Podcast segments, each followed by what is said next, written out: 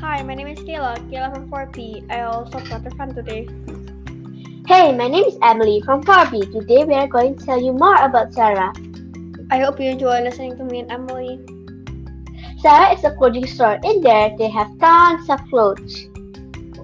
In Zara, they have good quality and their clothes are very fashionable.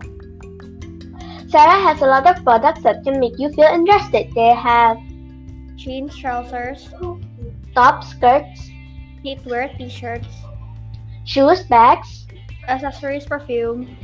jackets, swimsuits, and more. Sarah, as of 2017, manages up to 20 clothing collection a year. Zara is one of the biggest company in the Inditex group. Amazing, right? If you're finding the best clothing store, go to Sarah. We hope you enjoy it. Have a fabulous day. And don't forget to buy more Zara products. Bye! Bye.